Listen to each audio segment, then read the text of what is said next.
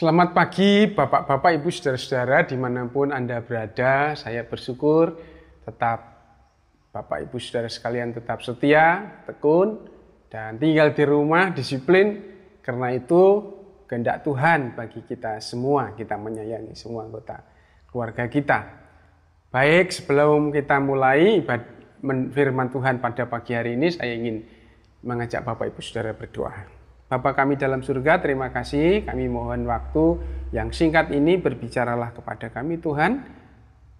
Hambamu mendengar, jadikan hati kami tempat persemaian supaya benih firman Tuhan dapat tumbuh dalam hidup kami dan berbuah. Dalam nama Tuhan Yesus Kristus, kami berdoa dan mengucap syukur. Haleluya. Amin. Saudara yang terkasih dalam Tuhan, hari ini saya ingin mengajak saudara sekalian membaca Injil Yohanes pasal 20 ayat 24 sampai ayat 29. Kata Tuhan, Yesus menampakkan diri kepada Thomas. Tetapi Thomas, seorang dari kedua belas murid itu yang disebut Didimus, tidak ada bersama-sama mereka ketika Yesus datang ke situ. Maka kata murid-murid yang lain itu kepadanya, kami telah melihat Tuhan. Tetapi Thomas berkata kepada mereka, sebelum aku melihat bekas paku pada tangannya, dan sebelum aku mencucukkan jariku ke dalam bekas paku itu, dan mencucukkan tanganku ke dalam lambungnya, sekali-kali aku tidak akan percaya. Delapan hari kemudian, murid-murid Yesus berada kembali dalam rumah itu, dan kali ini Thomas bersama-sama dengan mereka. Sementara pintu-pintu terkunci, Yesus datang dan ia berdiri di tengah-tengah mereka dan berkata, damai sejahtera bagi kamu. Kemudian ia berkata kepada Thomas, Taruhlah jarimu di sini dan lihatlah tanganku, ulurkanlah tanganmu dan cucukkanlah ke dalam lambungku dan jangan engkau tidak percaya lagi, melainkan percayalah. Thomas menjawab dia, Ya Tuhanku dan Allahku. Kata Yesus kepadanya, karena engkau telah melihat aku, maka engkau percaya. Berbahagialah mereka yang tidak melihat namun percaya. Saudara-saudara yang terkasih di dalam Tuhan, ada seorang pemuda yang jatuh cinta dengan seorang gadis. Mereka mulai berpacaran. Dan satu hari sang pemuda berkata kepada uh, kekasihnya begini, apakah engkau benar-benar mengasihi aku? Saya minta bukti bahwa kamu sungguh-sungguh mengasihi aku. Sang perempuan ini kebingungan bagaimana dia akan membuktikan cinta kasihnya karena mereka belum menikah. Akhirnya si gadis itu pergi meninggalkan pemuda itu. Nah saudara-saudaraku yang terkasih di dalam Tuhan mungkin itu berlebihan. Tapi saya ingin mengatakan kepada Bapak Ibu Saudara-saudara satu hal yang menarik dari bacaan kita hari ini. Yakni tentang bukti saudara-saudara. Thomas, dia tidak percaya kepada Tuhan Yesus yang bangkit. Dia tidak percaya kepada berita bahwa Yesus itu sudah bangkit. Sekalipun dia pernah mendengar Yesus sendiri mengatakan itu sebelum uh, dia mati, saudara-saudara. Saya kira dia mendengar ingat. Tapi dia berkata kepada teman-temannya, waktu itu sebelum saya melihat sendiri dan memasukkan jung jari ke bekas lubang paku di tangannya, sekali-kali saya tidak akan percaya. Nah saudara-saudara dalam dunia ini bukti sangat penting saudara-saudara ya. Kalau saudara berperkara di pengadilan dan saudara tidak bisa membuktikan, saudara kalah, saudara dihukum, saudara-saudara. Jadi dunia ini bekerja berdasarkan bukti. Ilmu pengetahuan bekerja secara empirik berdasarkan fakta-fakta dan bukti sehingga disimpulkan dan menjadi sebuah teori dan itu berjalan di dalam dunia ini seperti itu. Membutuhkan bukti di dalam dunia ini. Saya mengatakan kepada Bapak Ibu Saudara, andai kata saya mengatakan kepada Bapak Ibu Saudara begini, saya baru menangkap seekor naga, Saudara. Saudara pasti tidak percaya, walaupun saya katakan saya menangkap dengan tangan saya sendiri. Naga itu e, menyemburkan api, dia punya ekor dan punya sayap yang bisa terbang. Saudara pasti tidak akan percaya, kecuali saya menunjukkan naga itu kepada saudara sebagai bukti baru saudara bisa percaya. Tapi memang dunia itu bekerja dengan sistem itu saudara. Tapi kalau kita, maka tidak heran Thomas bertanya seperti itu. Tapi kalau kita belajar firman Tuhan, ya, iman bekerja dengan cara yang lain. Bekerja dengan cara yang berbeda saudara-saudara. Maka Tuhan secara khusus menjumpai Thomas dan berkata, begini, ini aku masukkan jarimu kalau kamu minta bukti begitu ya, masukkan. Tapi Thomas malu dan dia berkata, ya Tuhanku dan Allahku. Sebuah pengakuan yang tertinggi bahwa ya benar engkau Tuhan Allah. Hidup lagi, saudara-saudara. Saya kira seperti itu. Nah yang menarik dalam kisah ini, saudara, lalu Tuhan Yesus berkata begini. Karena engkau telah melihat aku, maka engkau percaya. Berbahagialah mereka yang tidak melihat namun percaya. Saudara bisa membayangkan, andai kata iman itu harus berjalan seperti yang diucapkan Thomas, membuktikan itu. Berapa kali Tuhan Yesus harus pergi ke pada semua murid-muridnya, semua orang di seluruh dunia pada semua zaman dan menunjukkan bekas bekas lukan e, pakunya supaya mereka percaya saudara-saudara. Apakah seperti itu saudara-saudara yang dikasih Tuhan?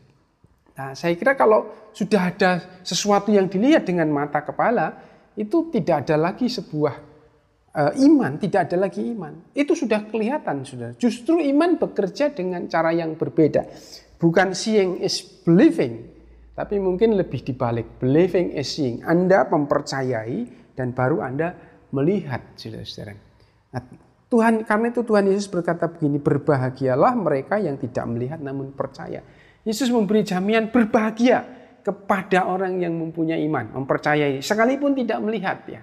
Jadi saudara yang dikasih Tuhan itu cukup bagi kita. Justru itulah dengan cara seperti itu eh, iman itu membawa kepada kemenangan. Abraham belum melihat tanah Kanaan dan dia percaya bahwa Tuhan akan memberi dia berjalan. Abraham belum tahu bahwa Tuhan akan menyediakan kambing domba pengganti sebagai anaknya, tapi dia menjalankan itu, dia bawa anaknya untuk dikorbankan. Saudara-saudara, saudara bisa melihat semua tokoh-tokoh di dalam Alkitab bercerita seperti itu, saudara. Nah, satu kali dalam Injil Markus pasal 8 Tuhan Yesus diikuti oleh 4000 orang yang ya, yang mengikuti dia. Lalu Tuhan berkata, apakah ada makanan di antara kalian kepada murid-muridnya? Orang ini yang sudah harus diberi makan.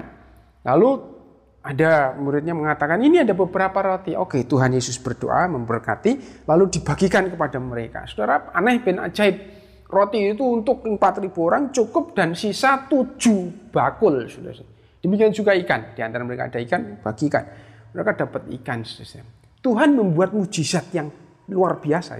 Tapi pasal selanjutnya, ayat selanjutnya, orang-orang Farisi itu datang kepada Tuhan Yesus ya, kepada dia pak, pak, eh, pasal 8 itu, dan orang Farisi berkata begini, e, berikan kepadaku sebuah tanda dari surga, gitu. Apa kata Tuhan Yesus? Saudara Tuhan Yesus tidak menjawab dan pergi meninggalkan orang-orang Farisi itu. Tuhan Yesus tidak tertarik dengan orang yang minta tanda. Saudara yang meminta tanda atau bukti itu khas sekali orang yang belum percaya kepada Tuhan. Jadi mereka baru mau percaya kalau saya mau lihat ini cara kerja dunia seperti itu. Maka Tuhan Yesus tidak tertarik dengan dengan yang begini. Maka dia pergi dari tempat itu orang-orang Farisi yang mencoba mencari tanda itu dia pergi malah di jalan ketemu orang yang buta sejak lahirnya Tuhan menyembuhkan orang itu di Betsaida melihat dalam seketika orang itu melihat. Jadi Tuhan mempunyai kuasa yang luar biasa membuat mukjizat atau membuat tanda-tanda, membuat uh, keajaiban saudara-saudara. Tapi kalau saudara datang dan saudara meminta itu kepada Tuhan dalam pengertian, Tuhan uh, saya punya permintaan seperti ini. Kalau Tuhan bisa memenuhi permintaan saya ini, saya akan setia kepadamu. Tuhan, saya belum punya rumah, saya ingin membangun rumah. Kalau Tuhan beri saya rumah, Eh, saya akan kembali setia kepadamu. Tuhan, saya belum mendapatkan pasangan hidup. Kalau Tuhan beri kepada saya pasangan hidup, sungguh-sungguh, maka saya akan kembali melayani. Saudara, banyak sekali orang-orang Kristen yang bertanya seperti ah, berkata seperti itu kepada Tuhan. Tuhan tidak tertarik. Tuhan akan meninggalkanmu. Dia tidak tertarik dengan orang yang mencari bukti. Iman itu cara bekerjanya berbeda. Mereka mempercayainya dan kemudian baru mereka akan melihat. Itulah iman, saudara. Kalau kita sudah melihat, apa artinya, saudara? Justru karena itu kita tidak pernah melihat secara fisik Tuhan Yesus, kita tidak pernah melihat surga, kita tidak pernah melihat uh, Firdaus, tapi kita mempercayai itu, saudara. Jadi iman bekerja dengan cara yang yang berbeda. Bagaimana dengan saudara? Apakah saudara masih ingin Tuhan Yesus membuktikan kepadamu bahwa dia Tuhan dan Allah sama seperti Thomas? Saudara jangan. Kita percaya dengan mata batin kita, kita percaya justru karena itu. Iman kepada Tuhan. Kita tidak pernah tahu hari esok seperti apa. Kita tidak pernah tahu perjalanan hidup kita yang akan datang seperti apa. Tapi kita percaya penuh bahwa Tuhan di sana dan menuntun kita. Iman itu membawa kita kepada kemenangan dan kenyataan. Kita akan menerimanya. Terpujilah nama Tuhan. Mari kita berdoa. Terima kasih Tuhan Yesus atas semua berkat dan kemurahan-Mu. Kami ingin menyerahkan seluruh saudara-saudara kami yang mendengarkan renungan singkat ini kiranya mereka diberkati Sekalipun mereka tidak melihat engkau hari ini secara fisik, tapi mata batin mereka memandang ke surga dan menyaksikan kuasamu, menyaksikan pimpinanmu, pemeliharaanmu atas hidup mereka satu persatu dan engkau memberi jaminan. Terpujilah kiranya namamu Bapa kami dalam surga, kami naikkan doa kami ini dalam nama Tuhan Yesus Kristus dengan ucapan syukur. Haleluya. Amin. Selamat hari Minggu, Tuhan memberkati saudara sekalian. Amin.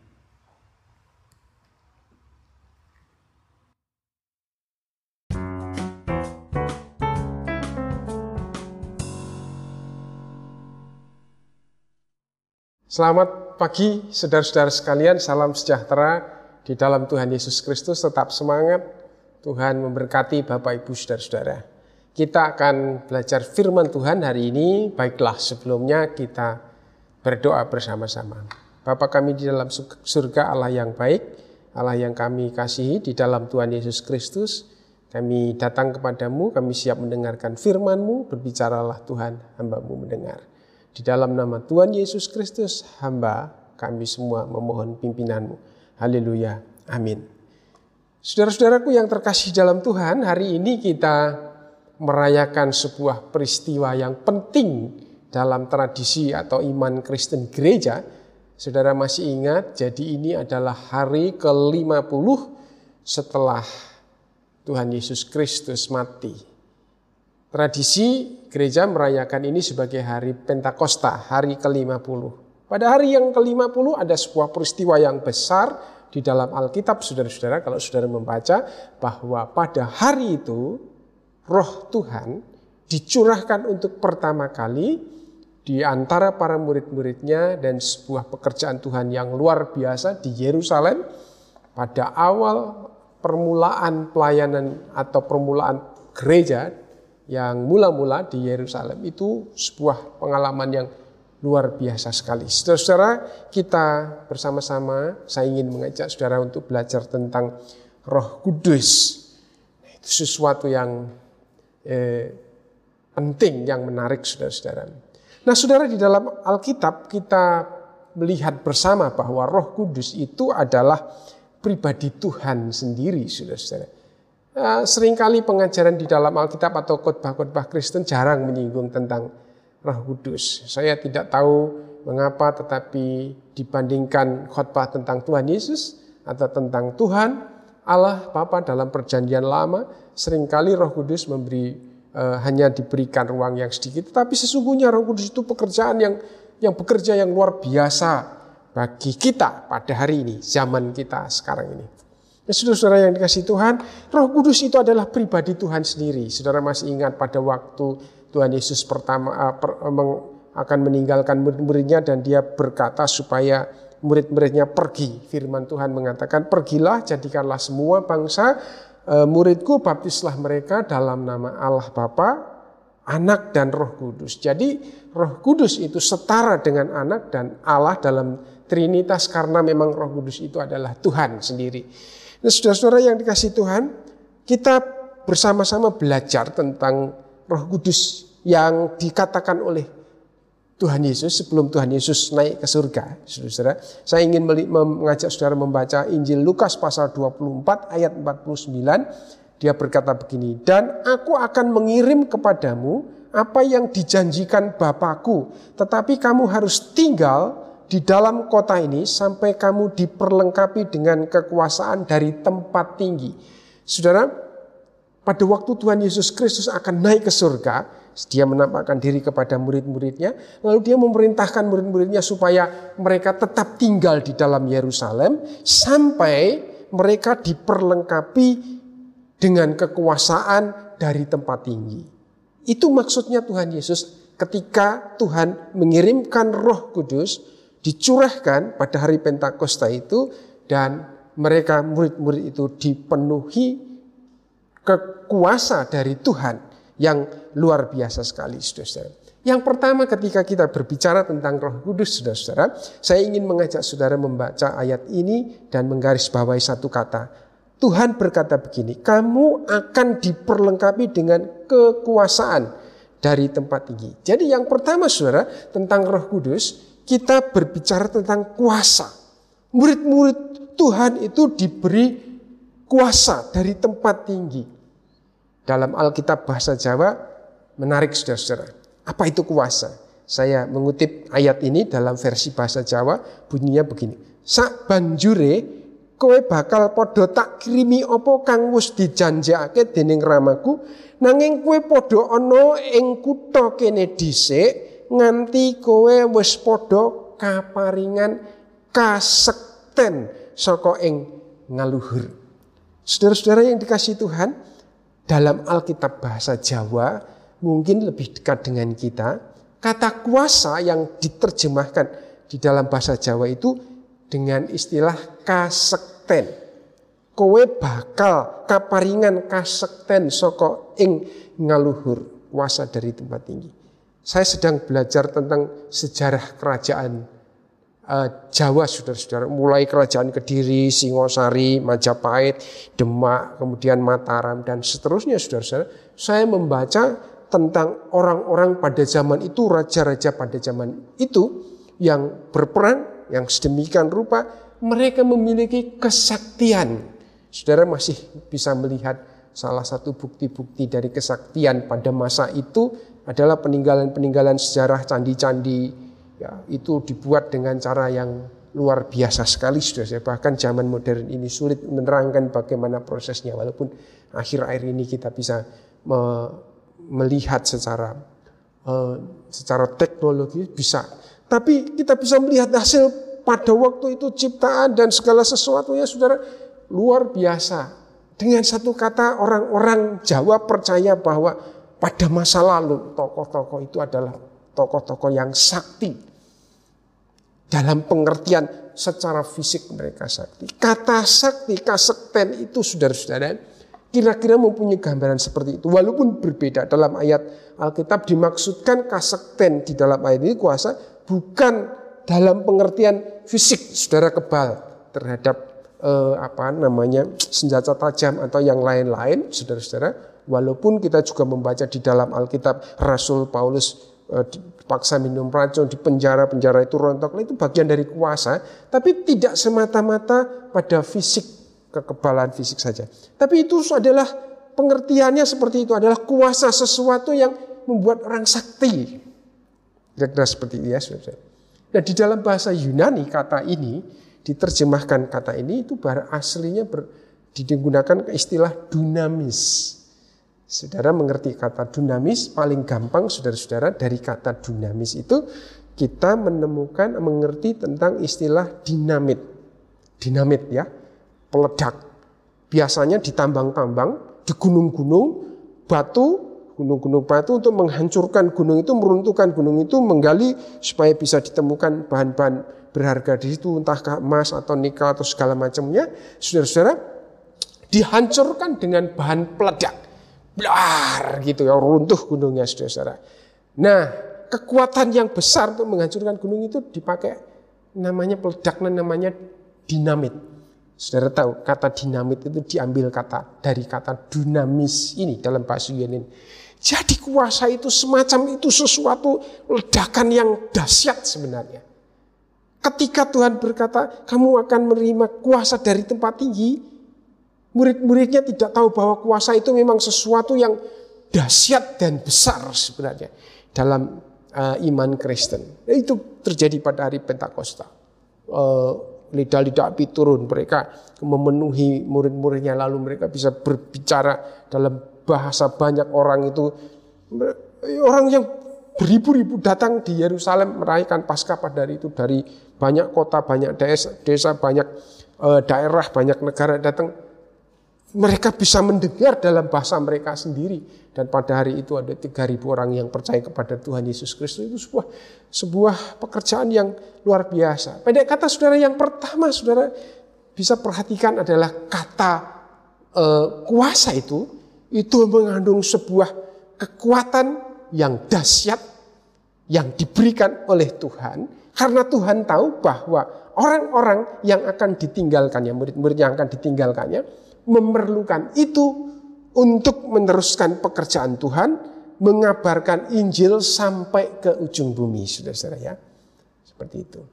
Nah, jadi saudara-saudara yang terkasih dalam Tuhan, kita bisa tahu bahwa Roh Kudus di dalam Dia kita bisa melihat ada kuasa yang dahsyat, saudara-saudara. Yang akan terjadi dalam hidup setiap anak Tuhan. Yang kedua, saudara-saudara, mungkin saya ingin mengajak Bapak Ibu Saudara memikirkan begini. Pada zaman murid-murid terjadi sebuah peristiwa yang luar biasa itu. Bagaimana dengan kita, saudara-saudara? Nah, saudara, ini karya pekerjaan Roh Kudus pada masa kini, di pada zaman kita ini ya. Saya ingin membaca Yohanes pasal 14 ayat 26 firman Tuhan begini. Tetapi penghibur yaitu Roh Kudus yang akan diutus oleh Bapa dalam namaku, dialah yang akan mengajarkan segala sesuatu kepadamu dan akan mengingatkan kamu akan semua yang telah kukatakan kepadamu. Yang pertama saudara-saudara, roh kudus itu menolong kita hari ini supaya kita bisa memahami firman Tuhan. Mengajarkan firman Tuhan kepada kita. Saudara ayat Alkitab itu saudara-saudara. Jika kita tidak dituntun oleh roh kudus. Terlalu banyak ayat-ayat yang kadang-kadang kita tidak mengerti artinya saudara-saudara. Tetapi ketika kita membaca firman Tuhan itu. Jangan khawatir saudara-saudara. Karena kita sudah percaya kepada Tuhan Yesus dan kita minta pertolongan dia pada waktu kita membaca firman, maka sebelum membaca firman, saudara boleh berdoa meminta roh kudus untuk menolong Bapak Ibu saudara-saudara. Firman Tuhan mengatakan bahwa roh kudus akan mengajarkan firman Tuhan kepada kita. Tiba-tiba kita dapat sebuah pengertian yang baru. Tiba-tiba kita dapat inspirasi bahwa saya harus begini dan begitu. Tiba-tiba Tuhan membukakan jalan yang menurut kita tertutup tiba-tiba Tuhan memberikan pertolongan pada jalan hidup kita yang buntu. Saudara-saudara kita tidak mengerti. Tapi itulah ketika kita membaca firman. Itu kuasa Tuhan mengajarkan firman Tuhan kepada kita. Yang kedua saudara-saudara kuasa Tuhan, kuasa roh kudus pada masa sekarang ini ialah menginsafkan dosa. Yohanes pasal 16 ayat 8 mengatakan Dan kalau ia datang, ia akan menginsafkan dunia akan dosa, kebenaran, dan penghakiman. Saudara-saudara, saya sudah bertemu banyak orang dan saya sudah menyampaikan firman Tuhan, sudah bersaksi kepada mereka, banyak orang sudah mendengar kesaksian. Tetapi saudara tahu, tanpa kuasa dari roh kudus, seseorang itu tidak dapat melihat bahwa dirinya orang yang berdosa, membutuhkan pertolongan Tuhan, dan membutuhkan juru selamat. Sia-sialah walaupun kita bisa menerangkan firman Tuhan dengan sangat indah, walaupun kita bisa mengajar mereka dengan sangat luar biasa, tetapi yang dapat menginsafkan manusia akan dosa itu roh Tuhan. Ada satu orang yang saya sudah menginjili dia, sudah berbicara tentang Injil kepada dia berkali-kali. Sampai bosan kira-kira sudah. Tapi hatinya masih tetap saja tertutup sampai sekarang belum mau percaya sudah. Dia berkata, oh saya dulu sekolahnya di sekolah Kristen. Saya sudah mendengar yang saya mau katakan. Saudara, tanpa roh kudus, manusia tidak bisa mengubah manusia yang lain. Tidak ada kemampuan untuk itu. Hanya roh kudus yang dapat membuat seseorang insaf akan dosa-dosanya. Karya Tuhan yang masih. Kita bisa melihat banyak tokoh itu yang dalam kehidupannya kemudian bahkan tak ada orang yang menginjili tiba-tiba dia membaca firman Tuhan kitab kita ini dengan penuh kebencian maksudnya untuk mencari-cari kesalahan tapi Tuhan berbicara kepada dia secara pribadi bahkan dia bertekuk lutut dengan Tuhan menjadi orang-orang percaya yang luar biasa, saudara-saudara. Saudara pasti mengenal eh, salah satu tokoh yang terkenal, eh, Paulus Moses, saudara-saudara ya. Dulu dia seorang pengajar di sebuah sekolah agama yang lain. Nah saudara-saudara ini kasih Tuhan, siapa yang bisa mengubah hati manusia? Menginsafkan manusia akan dosanya. Tidak ada. Hanya roh kudus. Yang ketiga saudara, yang masih bekerja dalam diri kita, di antara kita sebenarnya orang tidak menyadari ialah bahwa roh kudus itu memimpin dalam seluruh kebenaran firman Tuhan. Saya mau kutip ayat 16, eh, pasal 16 ayat 13 ini. Tetapi apabila ia datang yaitu roh kebenaran, ia akan memimpin kamu ke dalam seluruh kebenaran.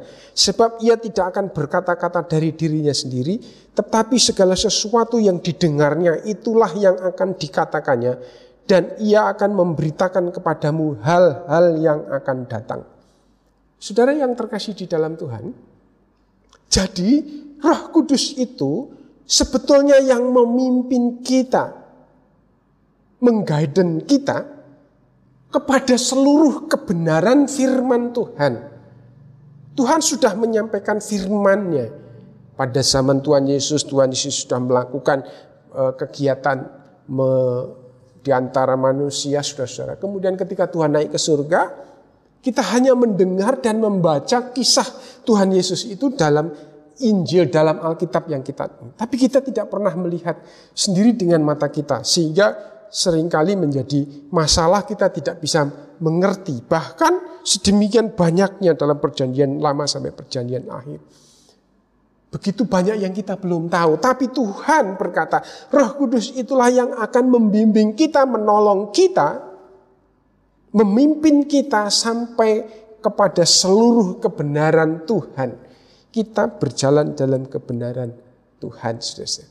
Jadi Roh Kudus masih bekerja di antara kita, di antara saudara dan saya, walaupun tidak nampak. Dia bekerja pada masa kini, saudara.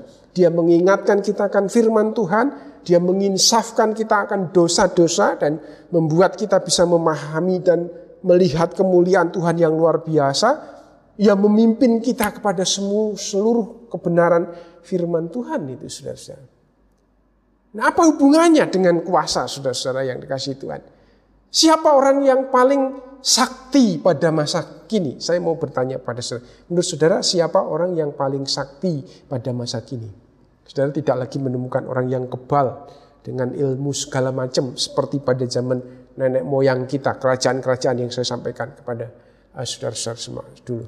Tidak sekuat Jaya Katwang, tidak sehebat Kertanegara, tidak sehebat Gajah Mada, saudara-saudara. Tidak sekuat Raden Wijaya. Siapa yang sakti hari ini, saudara-saudara? Apakah orang yang, ada orang yang berpikir kalau duitnya banyak dia sakti. Ada orang yang berpikir kalau dia punya investasi yang kuat, yang banyak, dia orang yang sakti, saudara-saudara. Tapi bahkan orang-orang seperti ini bingung, tidak bisa tidur, saudara-saudara. Siapa orang yang paling sakti, saudara-saudara? Firman Tuhan memberitahu kepada kita, ketika kita mengerti kebenaran Tuhan, berjalan dalam kebenaran Tuhan, kita mengikuti semua kebenaran Tuhan, itu dahsyat saudara-saudara. Itu kebenaran yang dahsyat saudara. Saya ingin mengakhiri dengan mengutip dari Injil Yohanes pasal 7. Ayat 38-39. Kata firman Tuhan begini. Barang siapa percaya kepadaku seperti yang dikatakan oleh kitab suci, dari dalam hatinya akan mengalir aliran-aliran air hidup. Yang dimaksudkannya ialah roh yang akan diterima oleh mereka yang percaya kepadanya. Sebab roh itu belum datang karena Yesus belum dimuliakan. Tuhan berkata, ketika Tuhan mencurahkan roh itu, roh itu datang, tinggal di dalam hati orang-orang yang percaya, Tuhan mengatakan akan ada aliran-aliran air hidup dalam kehidupan manusia. Saudara, firman Tuhan memberitahu kepada kita tentang ini. Orang yang percaya kepada Tuhan, Tuhan mencurahkan roh kudus di dalam hidupnya. Dia mengerti bahwa dia sebagai manusia yang berdosa, manusia itu insaf akan semua dosa-dosanya. Dia mengerti kehendak Tuhan, lalu Tuhan bekerja di dalam hidupnya mengubah dia menjadi sebuah pribadi yang baru yang luar biasa yang dikatakan Tuhan dalam hidupnya mengalir aliran-aliran air hidup. Luar biasa. Ini saya membayangkan dalam kitab Wahyu dari bait Allah itu mengalir aliran-aliran air hidup. Di sebelah kanannya ada buah-buah roh, saudara-saudara. Kasih, sukacita, damai sejahtera, kelemah lembutan, kesabaran. Dalam diri orang itu dalam sungai air kehidupan itu mengalir lalu di sebelah kiri berbuah lebat buah-buah roh dalam hidup. Dan di sebelah sisi yang lain karunia-karunian roh. Beri karunia atau talenta atau karunia mengajar, menubuat, apa, menyembuhkan, karunia berdoa, karunia segala macam yang sudah ditulis oleh Tuhan. Ada sembilan karunia besar yang ditulis oleh Tuhan. Atau eh, buah-buah roh, 20 buah-buah roh yang dahsyat. Jadi di dalam kehidupan orang yang percaya itu, saudara, dalam kehidupannya di sini ada buah-buah roh yang luar biasa. Di sebelah sini ada karunia roh yang luar biasa. Di tengahnya ada aliran air hidup yang menghidupkan karunia-karunia ini. Inilah hidup yang dahsyat. Saya katakan ini kuasa dalam kehidupan seseorang. Ledakan dinamit yang luar biasa. Dalam hidupmu kamu ada sesuatu yang luar biasa. Banyak orang yang tidak mengerti ini, saudara-saudara.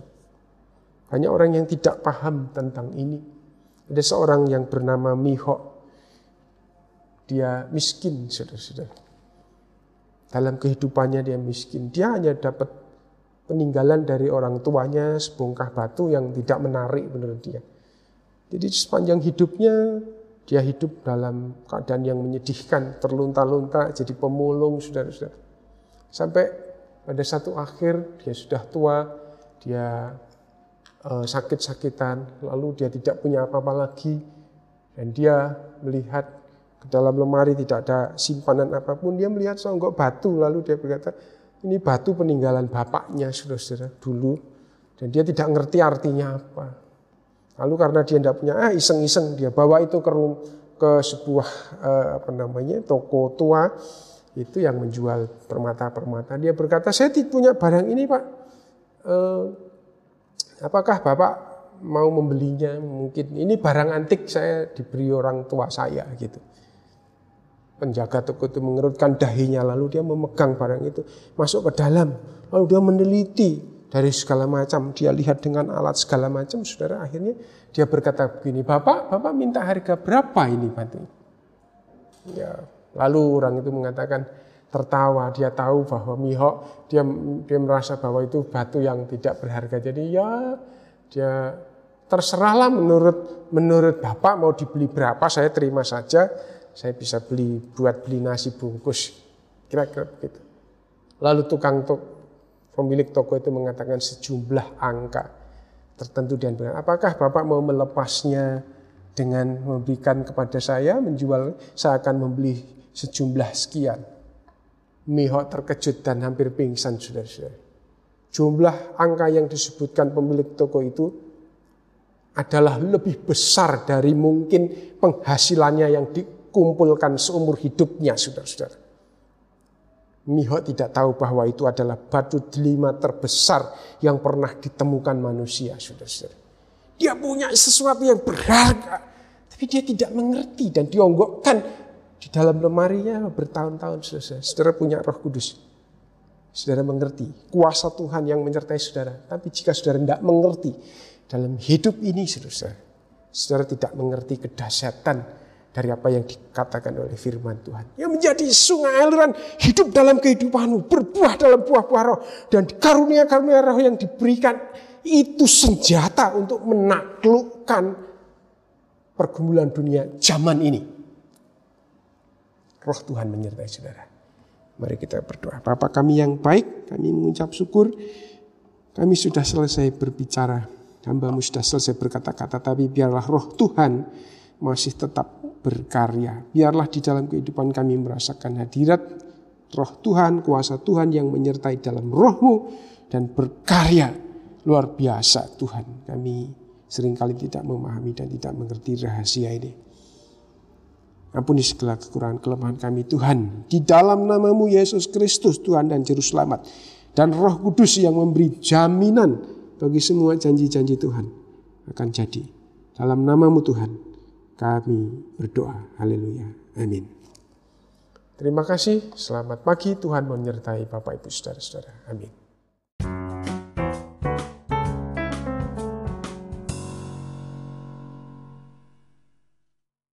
Selamat pagi Bapak Ibu Saudara-saudara Salam Salam sejahtera buat kita bersama Tetap semangat, tetap setia Saya bersyukur kita boleh bersama-sama berkumpul kembali di tempat ini Baik sebelum kita belajar firman Tuhan hari ini Mari kita berdoa Bapak yang baik yang kami kasih di dalam Tuhan Yesus Terima kasih kami mohon waktu yang singkat ini Tuhan berbicaralah Kami ingin belajar firman-Mu Datanglah Roh Kudus untuk menolong hati kami supaya bisa memahami kebenaran firman ini. Di dalam nama Tuhan Yesus kami berdoa. Haleluya. Amin. Saudara-saudara yang terkasih dalam Tuhan, hari ini saya ingin mengajak saudara-saudara membaca firman Tuhan dari kitab Keluaran pasal 13. Saya ingin memetik ayat 21 dan ayat 22 buat saudara-saudara. Demikian kata firman Tuhan. Tuhan berjalan di depan mereka pada siang hari dalam tiang awan untuk menuntun mereka di jalan dan pada waktu malam dalam tiang api untuk menerangi mereka sehingga mereka dapat berjalan siang dan malam. Dengan tidak beralih, tiang awan itu tetap ada pada siang hari dan tiang api pada waktu malam di depan bangsa itu. Saudara-saudara yang terkasih di dalam Tuhan, pemerintah menyatakan bahwa bersiap-siap memasuki new normal. Saudara-saudara, apa itu new normal? Menurut keterangan pemerintah, new normal adalah kita akan kembali kepada keadaan seperti sebelum ada pandemi. Hanya ada sesuatu yang harus dirubah, maka disebut normal yang baru, saudara-saudara, new normal. Faktanya karena virus itu sudah ada di antara kita di tengah-tengah negeri ini. Sebelum vaksin itu ditemukan, kita akan hidup berdampingan atau hidup di antara virus itu, saudara-saudara. Nah, kita tidak mungkin tinggal di dalam rumah selamanya karena itu ada faktor-faktor ekonomi yang yang harus kita kerjakan, kita tidak bisa tinggal selamanya. Karena itu kita harus keluar rumah, bekerja, melakukan aktivitas seperti biasa, sementara virusnya ada di tengah-tengah kita. Maka pemerintah mengatakan supaya kita hidup dengan cara yang baru karena kita sudah berbeda dengan dulu, saudara-saudara. Nah, saya menggunakan istilah new normal itu dengan istilah yang mungkin Eh, lebih gampang yaitu berubah. Kita harus hidup berubah dari dulu sebelum ada pandemi. Itu sebuah keniscayaan karena kalau tidak saudara-saudara itu kita mempunyai potensi untuk terjangkit dan itu membahayakan. Nah, kita belajar di dalam Alkitab, bangsa kerajaan Allah pernah mengalami keadaan semacam itu. Saudara tahu bahwa orang Israel dijajah atau tinggal di Mesir 430 tahun sejak zaman Yusuf sampai zaman Musa sebagai budak di Mesir.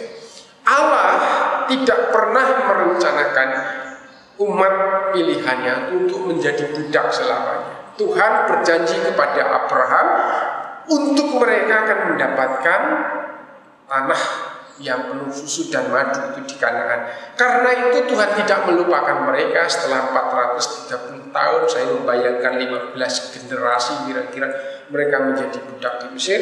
Tuhan memanggil Musa supaya memimpin bangsa itu kembali ke tanah Kanaan yang dijanjikan oleh Tuhan. Musa memimpin kira-kira 2 juta orang Israel keluar dari Mesir untuk kembali ke Kanaan. Nah, saudara-saudara, itu adalah sebuah keadaan yang sama mungkin seperti yang sedang kita hadapi hari ini. Di Mesir mereka hidup dengan teratur walaupun sebagai budak. Mungkin matahari belum terbit mereka harus sudah bangun sepanjang hari harus bekerja sampai matahari tenggelam dengan upah yang sangat minim saudara-saudara. Tapi mereka teratur dengan cara hidup yang seperti itu saudara-saudara. Ketika kemudian mereka keluar dari Mesir, Tuhan mengatakan dalam ayat Alkitab yang kita baca di atasnya tadi, tidak melewatkan mereka ke tanah Filistin karena mungkin kalau sedang menghadapi musuh berperang mereka akan bersungut-sungut dan mereka akan kembali ke Mesir, tapi memutar ke padang gurun, saudara-saudara. Dan di padang gurun itu Tuhan menyertai mereka dengan sebuah keajaiban tanda yang luar biasa yaitu tiang awan dan tiang api. Tiang awan pada waktu siang menendui mereka dan tiang api yang menerangi jalan hidup jalan mereka ke tanah yang dijanjikan oleh Tuhan. Nah, saudara-saudara, ini adalah sebuah keadaan yang baru, saudara-saudara. Hidup di tanah Mesir dan di perjalanan di padang gurun itu berbeda sekali. Cara mereka makan berbeda. Apa yang mereka makan berbeda. Di padang gurun tidak ada apa-apa. Tuhan memberi kepada mereka mana? Dan dia Tuhan mengafirman Tuhan mengatakan 40 tahun di padang gurun Tuhan memberi mereka makan mana burung-burung mengirimkan daging. Saudara cara hidup mereka berubah. Apa yang mereka makan berubah. Cara kerja mereka berubah. Ibadah mereka berubah saudara-saudara. Itu sebuah keadaan yang berbeda, lingkungan yang baru. Lah saudara-saudara, kita belajar dari situ. Yang kedua saudara-saudara, di dalam perjalanan orang Israel itu mereka mengalami sebuah pembaharuan kehidupan yang berbeda sama sekali yang berkaitan dengan iman mereka ialah bahwa di tempat perjalanan mereka selama 40 tahun mereka itu cara hidup mereka sungguh-sungguh bergantung sepenuhnya pada Tuhan saudara-saudara. Saya ingin mengajak saudara melihat berapa lama dan bagaimana orang Israel berjalan di perjalanan itu. Bilangan pasal 9 saudara-saudara ayat 19 sampai 22 kata firman Tuhan. Apabila awan itu lama tinggal di atas kemah suci, maka orang Israel memelihara kewajiban kepada Tuhan dan tidaklah mereka berangkat. Ada kalanya awan itu hanya tinggal beberapa hari di atas kemah suci. Maka atas titah Tuhan mereka berkemah dan atas titah Tuhan juga mereka berangkat. Ada kalanya awan itu tinggal dari petang sampai pagi. Ketika awan itu naik pada waktu pagi, mereka pun berangkatlah. Baik pada waktu siang, baik pada waktu malam. Apabila awan itu naik, mereka pun berangkatlah. Berapa lama pun juga awan itu diam di atas kemah suci, baik dua hari, baik sebulan atau lebih lama, maka orang Israel tetap berkemah dan tidak berangkat. Tetapi apa? Bila awan itu naik, barulah mereka berangkat. Saudara perhatikan saudara-saudara Hidup di padang gurun Di dalam pimpinan Tuhan Melalui tiang awan dan tiang api Sangat berbeda dengan kehidupan mereka di Mesir saudara. Kita membaca tadi di dalam kitab bilangan Manakala awannya bergerak, mereka segera membereskan semua peralatan, mungkin kemah mereka bongkar semua dan mereka mengikuti awan itu berjalan. Ke mana awan itu? Begitu awan itu berhenti, mereka berhenti lalu mendirikan tenda lagi di situ. Kita tidak tahu, mereka tidak tahu berapa awan, berapa lama awan itu di situ. Dikatakan kadang-kadang bisa pagi siang berangkat atau sore pagi jalan lagi saudara-saudara tiang awan dan tiang api itu. Mungkin bisa sebulan, mungkin bisa lebih kata firman Tuhan katakan. Jadi ini sebuah kehidupan yang spontanitas. Begitu awan bergerak, begitu tiang awan dan atau tiang api itu bergerak, entahkah malam, entahkah pagi, entahkah siang, seketika itu juga mereka segera membereskan semua dan berangkat saudara sebuah pola hidup dan gaya hidup yang sangat berbeda sekali dengan ketika mereka di Mesir. Tapi itu menunjukkan kepada kita tentang sebuah ketergantungan kepada Tuhan sedemikian rupa karena mereka tanpa pertolongan Tuhan itu tidak dapat melampaui atau melewati perjalanan itu. Saudara-saudara yang dikasih dalam Tuhan, itulah pelajaran yang perlu kita dengarkan hari ini bersama-sama. Mereka tidak tahu dan sungguh-sungguh hanya mengandalkan Tuhan. Dan Tuhan membawa mereka 40 tahun dalam perjalanan itu. Itu keajaiban yang luar biasa.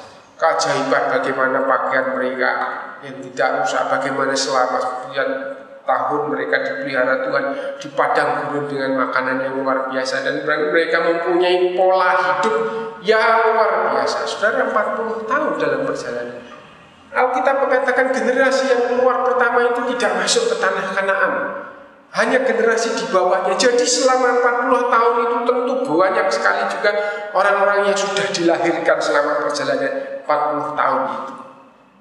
Saudara-saudara, dalam 40 tahun perjalanan itu mereka yang lahir di padang gurun dan seterusnya mempunyai gaya hidup, gaya gaya kepribadian, gaya ibadah, gaya semua cara yang yang berbeda dengan apa yang yang terjadi di Mesir. Berubah sama sekali memasuki tanah yang bergantung sungguh-sungguh pada Tuhan yang digambarkan oleh tiang awan dan tiang setiap kali mereka bersungut-sungut tidak ada makanan, tidak ada minuman, berteriak kepada Tuhan, Tuhan membukakan jalan.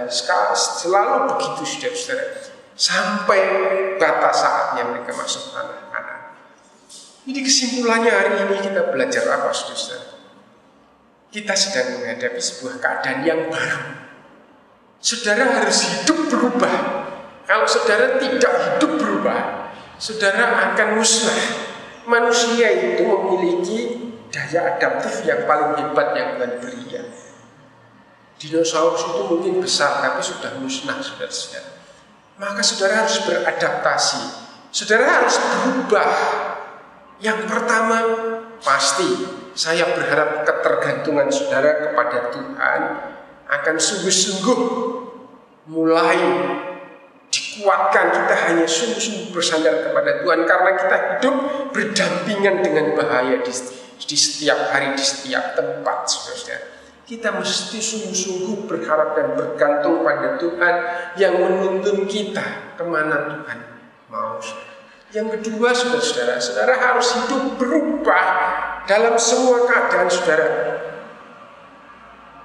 Ilmu pengetahuan sudah menolong kita satu, pertama, saudara jaga bersiap karena itu mutlak saudara-saudara.